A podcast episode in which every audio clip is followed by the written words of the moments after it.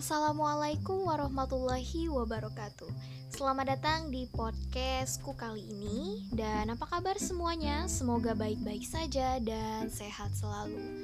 Perkenalkan, namaku Cahya Patmasari Aku mahasiswa baru, bisa dikatakan seperti itu Dari program studi komunikasi Angkatan 57 Sekolah Vokasi Institut Pertanian Bogor Nah, teman-teman semua, pada podcast kali ini aku mau menyampaikan atau membahas nih tentang problem solving pembelajaran jarak jauh.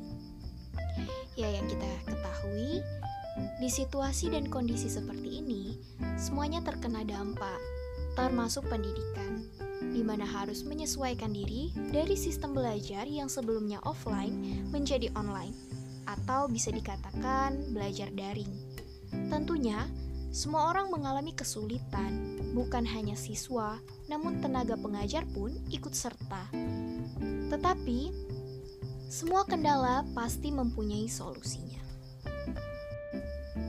Pada tahun 2020 ini bisa dikatakan tahun yang berat nih bagi kita semua.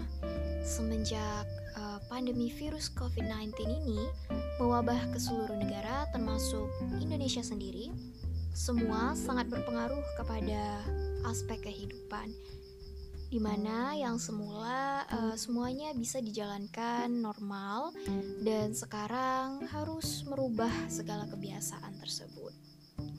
Hal ini tentunya sangat berpengaruh kepada semua golongan masyarakat.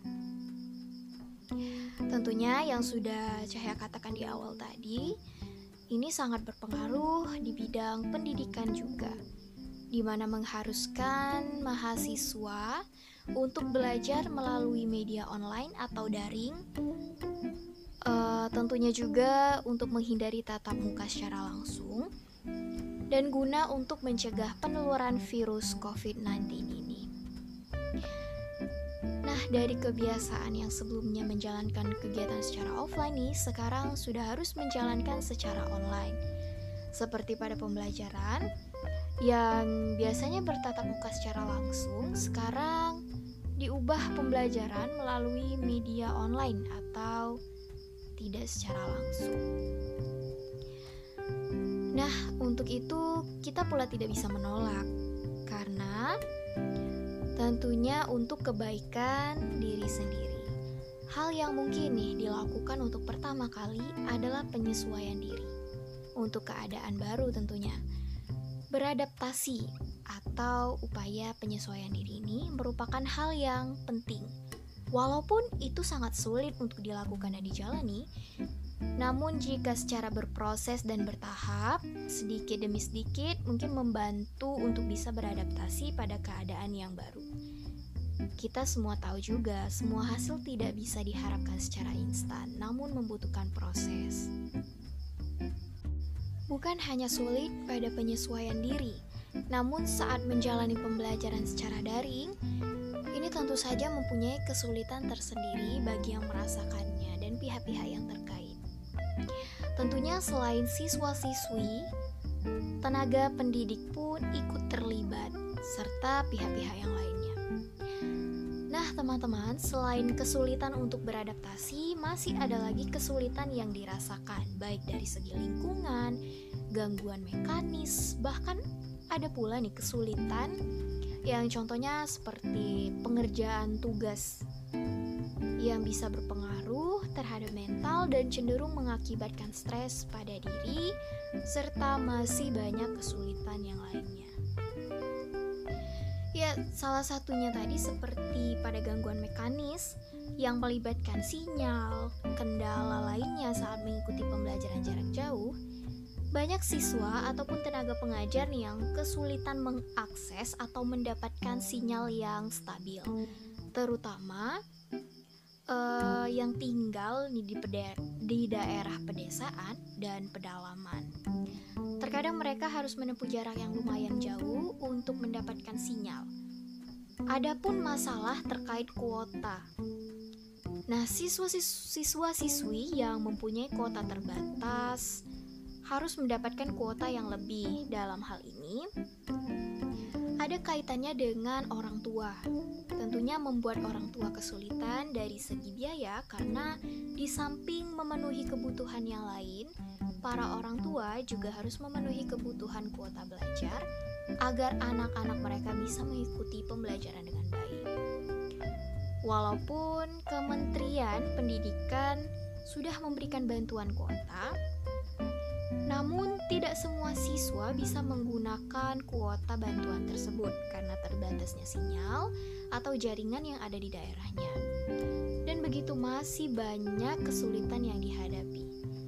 Terkait itu, untuk mengetahui nih lebih jelasnya kesulitan apa saja yang mereka rasakan,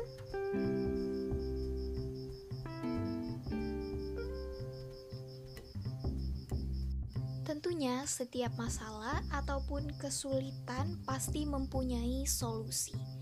Dan pada kesempatan kemarin, saya berkesempatan untuk mewawancarai dua narasumber saya yang salah satunya merupakan seorang guru yang mengajar di pedesaan dan salah satu siswi yang mengikuti pembelajaran jarak jauh.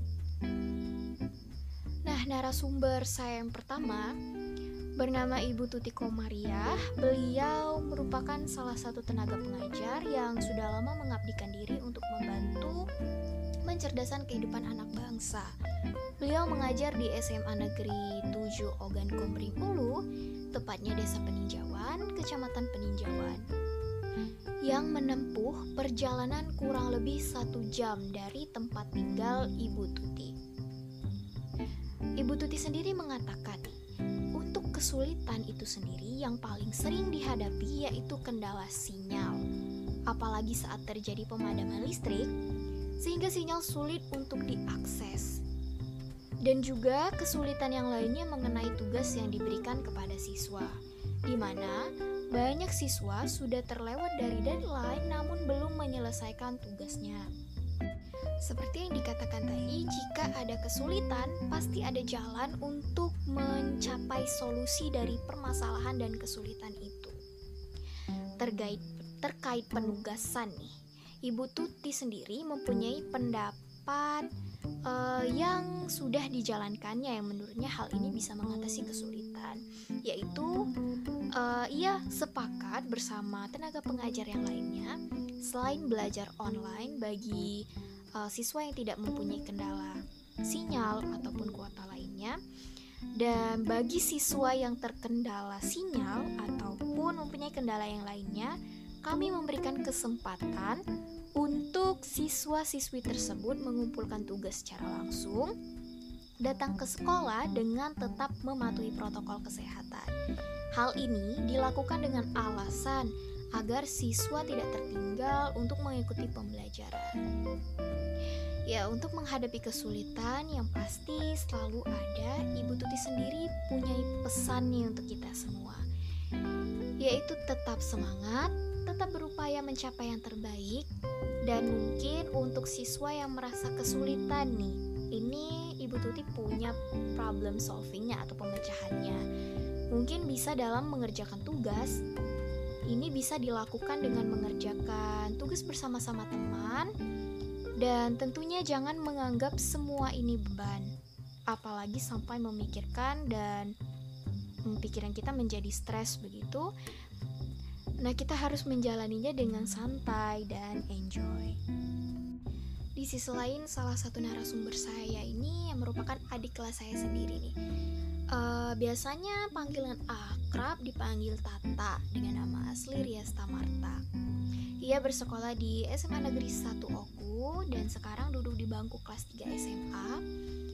Uh, ia juga tentunya mengalami kesulitan saat mengikuti pembelajaran jarak jauh, kurang lebih enam bulan. Ya, kesulitan yang dihadapi tentunya tidak jauh-jauh, yaitu akses sinyal, dan kadang juga merasa stres karena tugas.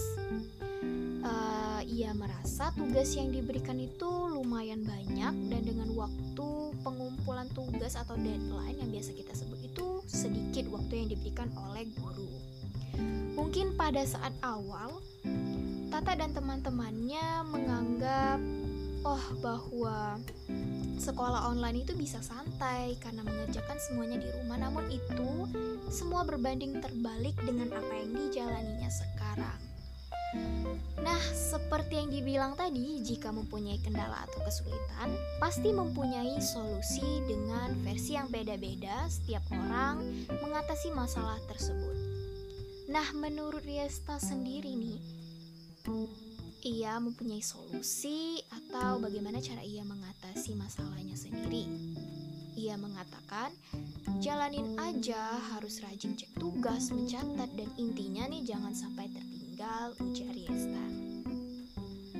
Nah teman-teman, dari sini kita bisa lihat nih, setiap orang mempunyai penyelesaian masalah mereka dengan cara dan versi mereka masing-masing. Dan tentunya berbeda-beda.